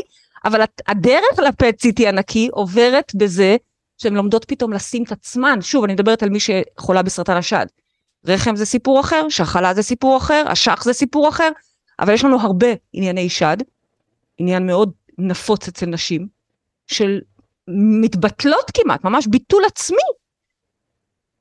אל מול נתינה לאחר, שזה מצד אחד מדהים, נורא יפה הנתינה הזאתי, מצד שני, שנייה, ממי, סכנה. אז אני רוצה לשאול כאן שאלה כזאת, כלומר, יש לנו את הדוגמאות האלה של אילון מאסק וכל מיני אנשים מצליחים מהעולם. אני יוצא מנקודת הנחה כזאתי, שהם כן יתמודדו עם עצמם ועם המכשולים שלהם והכול. אבל מי התיימר לבוא ולהגיד שזה האידיאל שאנחנו צריכים ללכת אליו? כלומר, מי אמר שזה שאני מרצה כ... דמות אישיות שלי, נניח אם היא איתה, כן? סתם פשוט אמרת את זה, אז אני פשוט מתעקש על זה. מי אמר שזה דבר רע? כלומר, אם נגיד אני עכשיו, לא יודע מה, לא איש העסקים הכי גדול, אבל דווקא רוצה להיות ברוח. ואני רוצה להתעמק ברוח. ו- ואני רוצה להיות מרצה, כי בסוף, אם אני מרצה ברוח, אז אני דווקא דואג שלכל האנשים סביבי יהיה מצוין. אולי פחות לי באיזשהו מקום, ואולי על זה אני צריך להתגבר. אבל צ- מה, איך אני מוצא פה את האיזון איך אני מוצא פה את האיזון ואת האידיאל? אז תראה, האידיאל הוא לא אידיאל חיצוני, הוא אידיאל פנימי, שגם הוא, כל הזמן אנחנו לומדים לדייק אותו. ואני אתן לך דוגמה, בהמשך לשאלה ששאלת, אני אענה לך באופן אישי מעצמי. אני באמת, מאז שאני חווה את ההערה הזאת, כבר 13 שנה אני יושבת לי פה במערה שלי, שכמו שאתה מבין, לא חסר לי כלום, אני חיה טוב, אבל במערה, לא יוצאת לשום מקום, לא מעניין אותי לצאת. וגם הריאיון הזה, איזה כיף לנו שזה מתקיים ככה, אבל הרבה זה בזכות זה שזה בזום, איזה כיף, הכי טוב. האמת שכן. הכי... ובאמת, ב-13 שנה האחרונות, כל מה שעניין אותי מאז ההערה הזאת זה רק להפיץ את זה לכמה שיותר אנשים, שכמה שיותר אנשים יחיו בגן עדן, וזה אגב עדיין האג'נדה שלי, זה מה שמעניין אותי. אני סופרת היום, המטבע שאותי מעניין זה, זה מטבע ההשפעה. יחד עם זאת, לפני שנה, בדיוק לפני שנה, וזה משהו שדיברתי עליו בתוכניות רדיו שלי בהרחבה, מי שמעניין אותו לחקור דווקא את הנושא הזה. מרחב המודעות, מי שיכול להיכנס בוויינט רדיו. התוכנית רדיו נקראת שיחות בגן עדן, היום זה נמצא בוויינט, ברדיו וויינט, לפני זה זה היה ב-103 FM, יש שם עדיין VOD של שנים, כל החומרים אה, הם מחכים, אה, אה, באמת, פרוסים, את כל המשנה פרוסה שם. ושיתפתי בכנות לפני שנה, שמרוב שאני חיה כל הזמן רק את הנתינה, ורק מה ש... כמה שיותר, ברגע שנכנס כסף אז עוד בית חולים, ברגע שיש אה, משהו אז עוד ילדים, אנחנו כל הזמן פה בהתפתחות. זה הגיע למצב ש... ושוב, אני לא מסכנה, כן? זה לא מטרת המסר שלי. שאני יושבת פה בסלון, ויכול לטפטף עליי מים. ואני, מה אכפת לי, נזילה, מה אכפת לי? הרגע נכנס 100 אלף שקל, אתה יודע מה זה אומר 100 אלף שקל? זה עוד שלוש קבוצות של חולות אני יכולה להרים פה. ככה אני חיה, עוד שלוש קבוצות, עוד שתי קבוצות, עוד ילדים, עוד... והדק נראה כזה מג'עג'ע, כאלה מסמרים, לא נעים.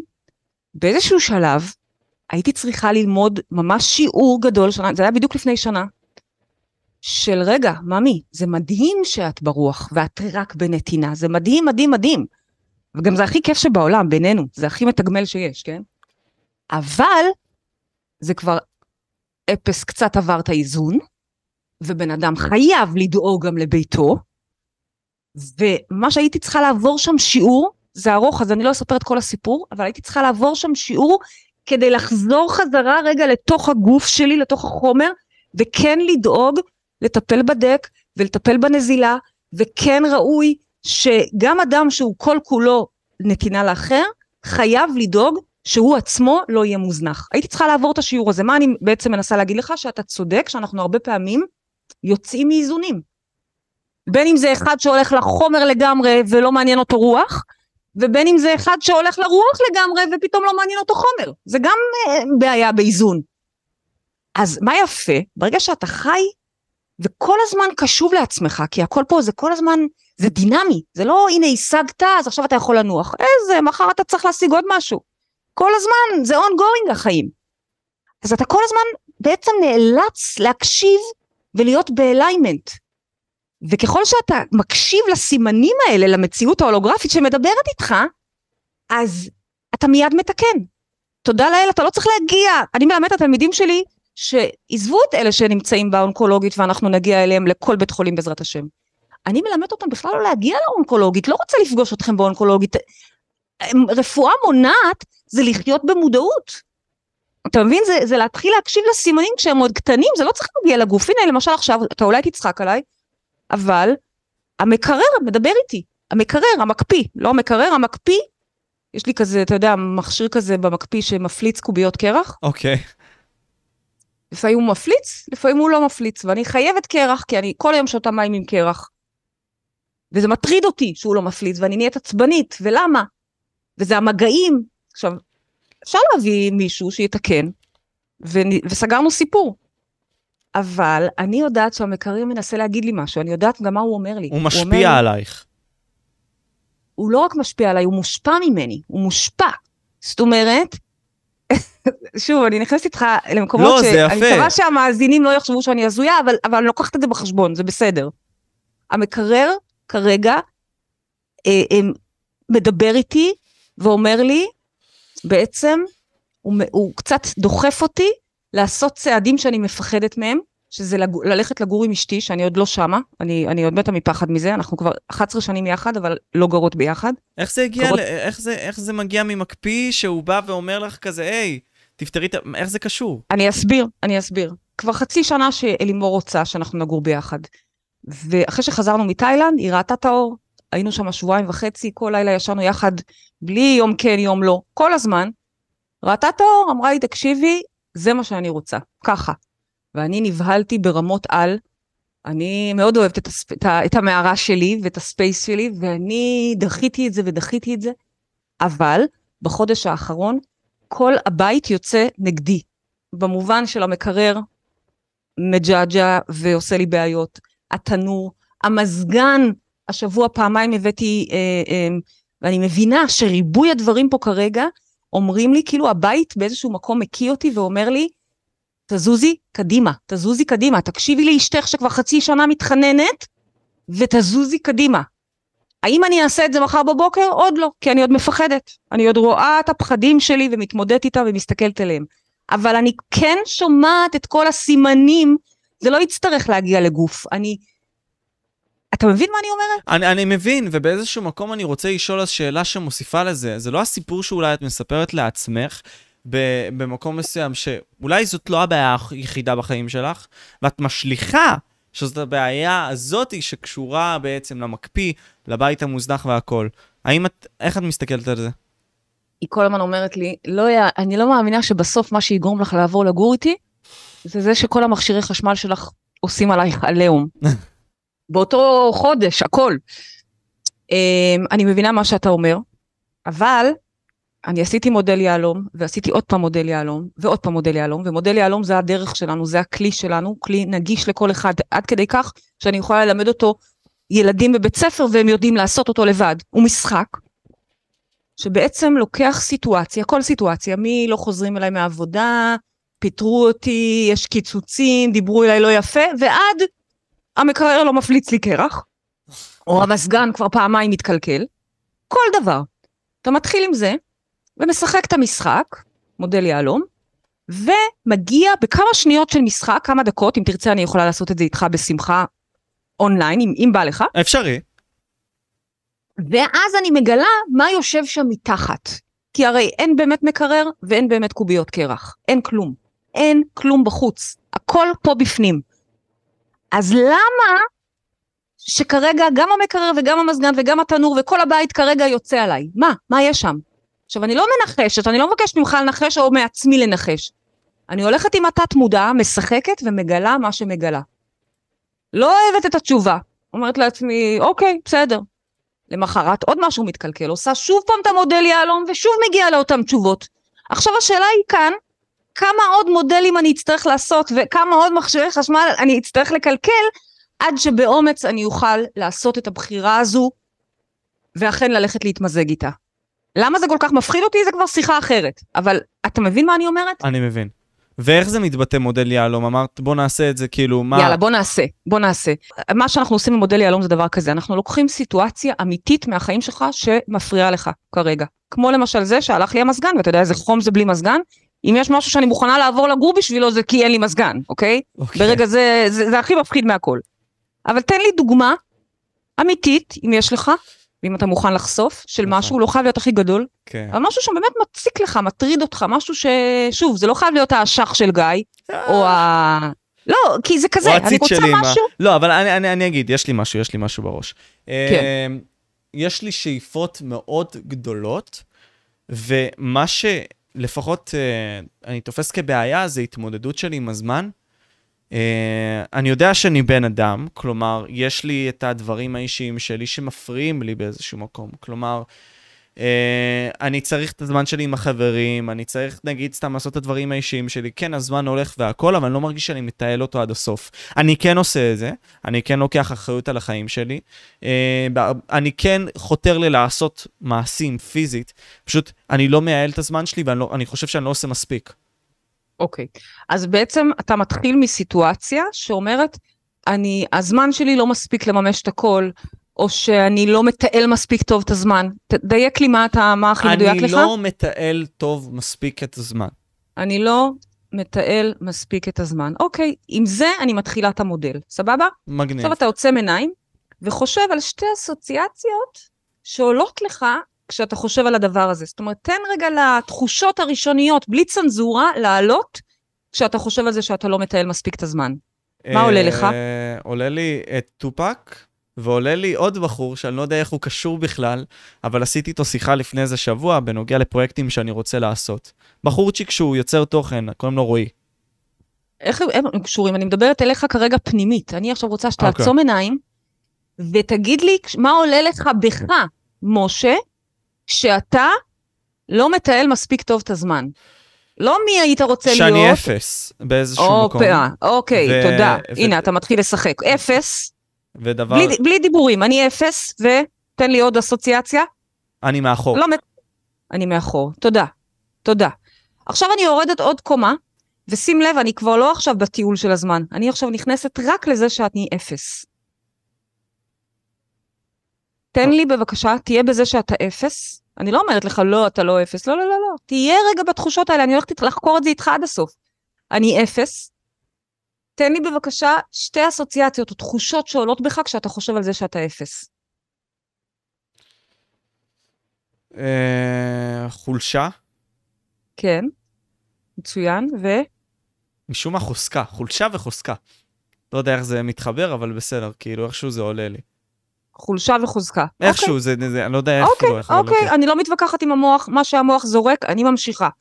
עכשיו, בוא ניקח רגע את האסוציאציה של אני מאחור, אתה מאחור. מה עולה לך כשאתה חושב על זה שאתה מאחור, כפרה? הפסד, כן, מצוין, אתה מפסיד, ו... חולשה מטורפת. כבר אמרנו חולשה, אני לא יכולה להשתמש באותה מילה פעמיים. אין למשחק הזה הרבה חוקים, אבל אסור להשתמש באותה מילה פעמיים. אז הפסד, אמרנו הפסד, ו... אה, כאב, כאב, אוקיי. אגב, שים לב שרק אתה יודע את התשובות. לא מטפל שלך, או אימא שלך, או אפילו אני. רק אתה בעצם המטפל הכי טוב של עצמך, אם אתה רוצה באמת לחקור את עצמך. יופי. עכשיו שים לב, אתה כבר זרקת לי פה הרבה מידע ביהלום הזה. אמרת לי חולשה, חוזקה, הפסד, כאב. יש לי פה מלא מילים, אבל אני צריכה עכשיו להתחיל לצמצם. זה לא סתם נקרא מודל יהלום, כי יש פה איזה סוג של אלכימיה. עכשיו אני לוקחת, אני יורדת עוד קומה ואני מתחילה למזג את הדברים. אני לוקחת חולשה ומחברת אותה יחד עם חוזקה. איך אתה מחבר חולשה עם חוזקה ביחד? תעשה לי פה מרק מהחולשה והחוזקה הזו ביחד. בתור מה, מה את רוצה, ש... כאילו, תני דוגמאות רוצה לדברים שאפשרי להגיד. שתמזג לי את, את התחושות האלה. מה- קח את החולשה, כן, נניח וזה צבע שחור, וקח, תוסיף על זה את הצבע של החוזקה, נניח וזה צבע אדום, ותצבע אותם ביחד, תערבב לי את הצבעים של החולשה והחוזקה ביחד. הצבעים זה רק מטאפורה, כן? כן. אה, חולשה וחוזקה ביחד, מה זה? איזון. את כזאת אומרת, איזה מוזר אתה. לא, אין מוזר, אין מוזר. אתה איזון, אוקיי? הולכת עכשיו לצד השני, ורוצה לחבר לי, תמזג לי את ההפסד, אתה מפסיד, וזה כואב. יש פה איזה... זה לא רק הפסד, אתה בהפסד ובכאב של ההפסד. מוות. פה... מוות. אוקיי. והנה אנחנו עכשיו יורדים עוד קומה אחת למטה, אחרונה, ורוצים עכשיו למזג את מה שיצא לנו מצד ימין, שזה איזון, ואת מה שיצא לנו מצד שמאל, שזה מוות. או, זה הגיוני שזה יגיע לזה, אוקיי. מעניין. בואו ננסה למזג איזון ומוות. לחיות. יפה, אבל זה פתרון. הרבה פעמים, זה לא סתם שאתה מביא את הדברים האלה, זה מאוד טוב, כי הרבה פעמים שאנחנו נמצ... מגיעים למטה למטה למטה למרתף, איפה שהגופות נמצאות, איפה שאנחנו כן. מחפשים את התשובה, אוקיי. המוח לא אוהב שנוגעים לו בגבינה, תת המודע לא אוהב. אז מה הוא עושה? מעיף אותך, נותן לך איזה פתרון, מנוחה, לחיות, אבל לא ביקשתי פתרון כפרה. אני רוצה לרדת עד השורש של החדשקון, עד השורש של הדבר הזה. אז אני לא מסתפקת בפתרונות, פתרונות תביא לי אחר כך, לא עכשיו. איזון ומוות. איך אני מחברת מוות? אה, ניצחון? אפשרי להגיד? לא, לא, לא. זה תכונות, רגע, רגשות את מדברת. כן, נכון. אני רוצה שתיכנס למוות, אה, זה קשוח. נכון. נכון. אה, ולאיזון. שמחה. אפשרי להגיד? מוות ואיזון, איך הם מביאים אותך לשמחה? אני מפחדת שאתה סתם זורק מילים, ואני רוצה שתיכנס רגע לדבר, לשורש. תהיה איתי, אני רוצה לרדת לקומה התחתונה. המוח שלך לוקח אותנו עכשיו, וממש מראה לנו פה pattern מדויק שעוד דקה אתה תראה את, את, את, את החשיבות להבין את זה. עוד שנייה, תהיה איתי רק עוד שנייה. תיכנס רגע למוות. אוקיי. ואיזון. לאיזון, ותנסה לחבר בין הדברים האלה. אה, זה קשוח. נכון. התגברו, אני לא יודע, כאילו...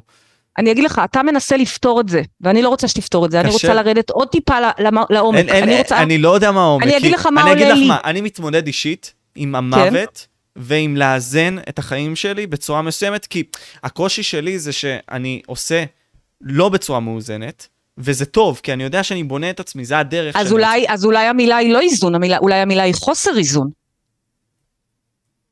ואם כן, אז צריך לחזור אחורה למקומות... לא, לא, לא, לא, לא, לא נחזור אבל... אחורה, כי זה לא משנה.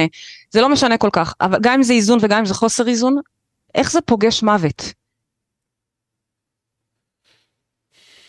הגשמה, אתה מנסה להגשים את עצמך, כי אתה מנסה עם החיים להבין בין המוות לבין לחיות, איפה אתה מוצא את עצמך. נכון, כל זה הסברים יפים, אבל במודל יהלום יש לו קוביות קטנות כי הוא לא רוצה חרטוטים והוא לא רוצה סיפורים, הוא רוצה רק רטטים. איזון ומוות. מה... אני לא מוצא כלום, שם. אני באמת לא מוצא כלום. אני אומר לך את האמת. אני מאמינה לך, וזה המקום הכי הכי קשה להגיע אליו. השורה התחתונה, אימא שלי שתהיה בריאה, שהיא גם תלמידה שלי מדהימה, היא כל פעם הייתה מתקשרת אליי, את שומעת, נתקעתי בלמטה של המודל יהלום. פעם אחרי פעם אחרי פעם, יום אחד המצאתי שירות חדש לכבודה של אימא שלי, אבל אחר כך כל התלמידים הודו לה, שנקרא קו למרחב. מתקשרים, שלום, נתקעתי במודל יהלום למטה, ומבקשים עזרה. זה השירות, כל היום יש מישהי שעוזרת לך לעשות את המודל. אז זה מאוד טבעי, אה, משה, אל תרגיש לא בסדר, זה מאוד טבעי, אבל אני בכוונה מתעקשת, כי אני רוצה לקחת אותך לשורש שגורם לך לחשוב ולהאמין שאתה לא מטייל מספיק נכון את הזמן, או שאין לך מספיק זמן לתעל אותו לכל הדברים שאתה רוצה לממש, ובשביל זה אני חייבת עוד דקה אחת מזמנך רק להגיע לשורש. אני רואה אותו, אני רק פשוט רוצה שאתה תראה, כי זה לא שווה שאני רואה, שווה שאתה צריך לראות אותו. אז עוד פעם, תראה, תיכנס למוות, שמאיים ומחכה שם, ב, ב, ב, ב, מחכה שם, אוקיי? עושה קוקו מדי פעם, מזכיר לך שהכל פה על תנאי, הכל פה אה, נזיל, עוד דקה זה נגמר המשחק. לצד זה, את האיזון, או חוסר האיזון, אני לא יודעת אפילו אם זה איזון או חוסר איזון. אם אני מערבבת את שני אלה ביחד, אני מגיעה לרצף, יוצא לי איזשהו עצב. יוצא... אוקיי, עצב זה בסדר, אבל אני רוצה לרדת איתך יותר עמוק מזה, כי עצב, היה לנו קודם כבר כאב, ואני לא רוצה לחזור לקומה הזאת, זה היה קומה מינוס שתיים, אני כבר נמצאת עכשיו במינוס שמונת אלפים, ואני רוצה להישאר שם. והנה, אתה ממש ממש קרוב, אתה נוגע שם, תהיה שם רגע בעצב הזה. בכי. נכון, ומה, ועל מה בעצם, תראה את הבכי, על מה הוא, תסתכל על מה הבכי. הבכי פשוט על זה שאני לא ממצה את עצמי, זה נכון, העניין. נכון, על הפספוס, נכון. הבכי הוא על הפספוס, יש פה בכי על פספוס. שיש פה אני... פוטנציאל, וזה לוקח מפספס. אותי לאיזשהו אירוע שהיה לי לפני איזה שנה לדעתי, ונראה לי לאן, זה לאן שזה לוקח אותי, ליום כיפור. אני לא צמתי ביום כיפור, אה, לא, בעצם אני צמתי ביום כיפור, לא שמרתי את הכיפור, נסעתי עם חבר לשם שהוא מציל. ונכנסתי לים, ופשוט טבעתי בים, והוא, את יודעת, באיזשהו מקום שמחתי עליו שהוא יבוא ויציל אותי, והוא בסוף לא הצליח. שמחתי שהוא הלך לחוף, ואני אמרתי לעצמי באותם רגעים, איזה זרע מבוזבז אתה. כאילו, וואו. כל הדרך הזאת עשית בשביל כלום. וואו, אני, אני רושמת את המילים האלה, זרע מבוזבז, איזה חזק. בדיוק הפספוס הזה. אז מה אנחנו רואים עכשיו? מה גילינו? מה מודל יהלום גילה לנו? גילה לנו וזו עבודה שכל אחד יכול לעשות עם עצמו, אנחנו עושים את זה אפילו בשירותים, בפקק, ב- בכל מקום, כי זה משחק, זה תבנית, יש לנו מחברות שלמות עם התבנית הזו, רק מחכות שנמלא אותה כל יום מחדש על, על מה שלא יהיה. עכשיו, מה, מה, מה המודל גילה לנו? שבעצם אתה חי בחוויה שאתה לא מטייל מספיק טוב את הזמן ואתה לא מממש מספיק, אבל מגלה לנו המוח שזה שקר, זה סיפור שמתחת, מה שקורה מתחת, מה שיושב על הסיפור הזה, הזרע, השורש, הגרעין שעליו יושב כל הסיפור הזה, זה זה שאתה מרגיש פספוס, מבוזבז.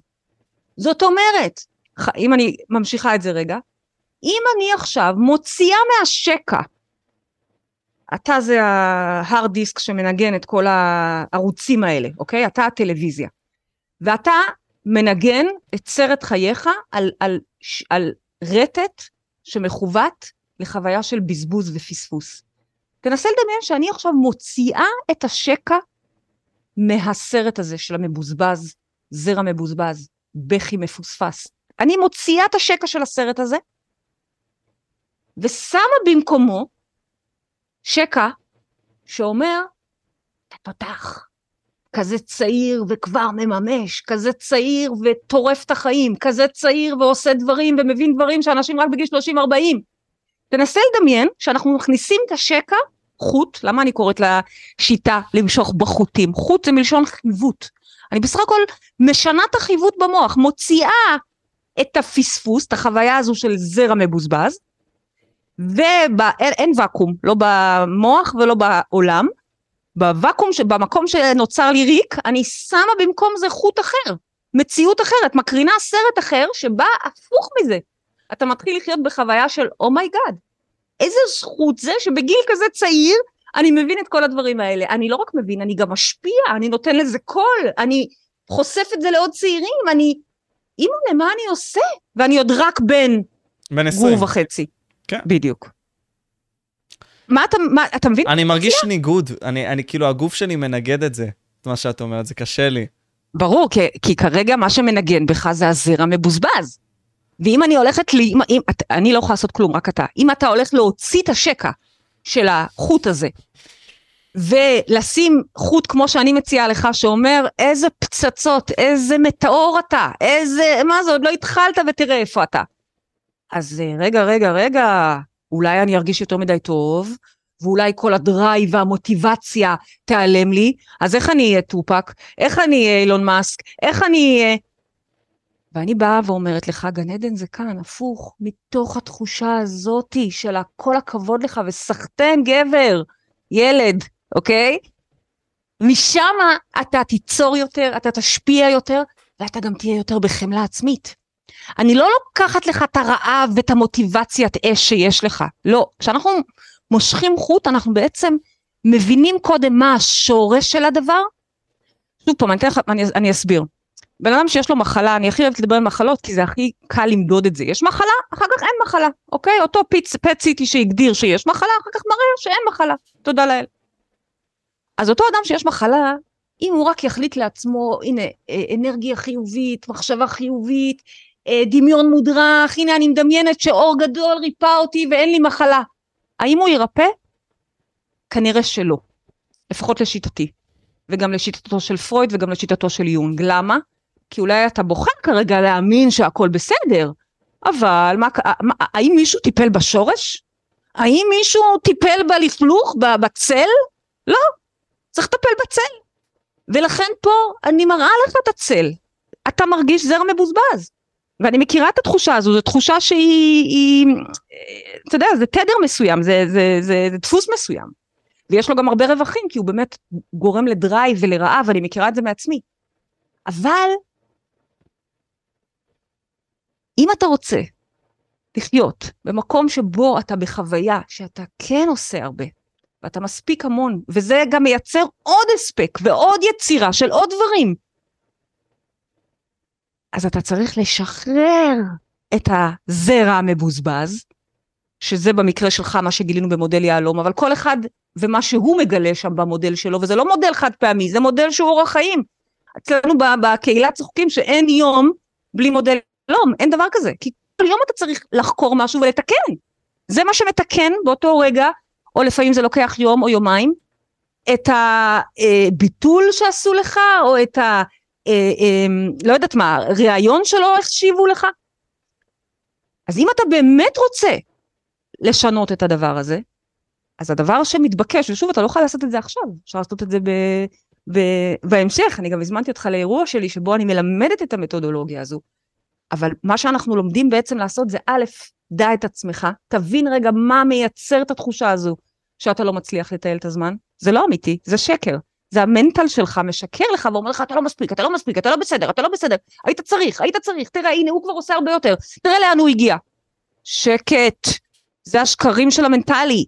זה הזרע המבוזבז מדבר. לא רוצה להקשיב לזרע המבוזבז, מוציאה אותו מהשקע, ובמקומו מכניסה כל פעם את החוט שאנחנו רוצים. זה מה שאנחנו קוראים למשוך בחוטים, זה לעבור ממציאות אחת למציאות אחרת באפס זמן ובלי לזוז מהספה. שכחת? אחותך אוהבת נוחות. אה, אז אתה, אתה יכול לעבור למציאות חיים אחרת לגמרי, בלי שזזת מהספה, כי קוונטית עברת. כן. אתה כן. עוד לא עברת כרגע, אתה לא כרגע עברתי. כן גילית מה. שגילית. אגב, לגיטימי לפעמים לראות. אני זוכרת ש- שלפני שהפסקתי לעשן ג'וינטים, שזה לא שאני אומרת שצריך להפסיק, אוקיי? ממש לא. כל אחד מה שטוב לו ומה שכיף לו, והרבה זמן עישנתי והיה לי ממש כיף. אבל אני זוכרת שלפני שנה אני הבנתי שזה כבר לא טוב לי, אוקיי? ועשיתי מודל יהלום, וראיתי מה זה ממלא לי, ראיתי למה, מה השורש שמחזיק את הדבר הזה. עדיין, מהרגע שראיתי, ועד הרגע שאכן בחרתי לוותר על זה, לקח עוד כמה, אולי אפילו שבועות. זה בסדר, שנייה, אבל זה לפחות שבועות שבו בה אתה, בהם אתה יודע את עצמך. אתה לא מקטר על משהו חיצוני, אתה מבין שזה פנימי, ובבוא הרגע, כשפתאום אני ארגיש שנמאס לי כבר להרגיש לא מספיק ולא מספיק ולא מספיק, אז, אז, אז, אז הבחירה הזו לעשות את המעבר הקוונטי זמינה עבורך בכל עת, בכל רגע. לשפע. לשפע, במקרה שלך לא שפע, אין לנו בעיה של שפע, במקרה שלך אני רוצה שפע של, יותר נכון, רווחה. במקרה שלך אני רוצה, החוט שהייתי מושכת איתך זה חוט ש, אה, שאתה אתה מדהים, שוואו, כמה אתה מספיק, אימא'לה, אם התחלת תינוק, אז אימא'לה, בטח שאתה תהיה בגיל שלי, אני כולה בת 43, אתה תהיה בגיל שלי, בטח אלוהים יודע, כל העולם כבר יכיר אותך ו- ויהיה ניזון מההשפעות שלך. זה המקום שאני רוצה שתהיה בו, זה לא שפע כמו רווחה, כמו רגע, תנוח, אתה טפיחה על השכם, אתה טוב, אתה, אתה, וואו, אתה מספיק, תבין, יש פה גם double meaning, זה לא רק אני לא מספיק לעשות, מספיק במובן של הספק, אלא אני מספיק, יש פה איזה אישור פנימי של אני מספיק, אני fucking מספיק, אני טוב, אני טוב דיי. קשוח, קשוח לי, כן. אה, אני נראה לי כבר הגעתי. ל peak מסוים, מה שנקרא דגדגת לי את השורש. בסדר, לדגדג לפעמים זה כל מה שצריך. ובאמת אפשרי למצוא אותך במרחב המודעות, באתר שלך, בכללי, האתר יהיה למטה בתיאור, שיחות בגן עדן, אה, ברדיו, ynet. תודה לך, תודה, שיהיה בהצלחה. תודה רבה.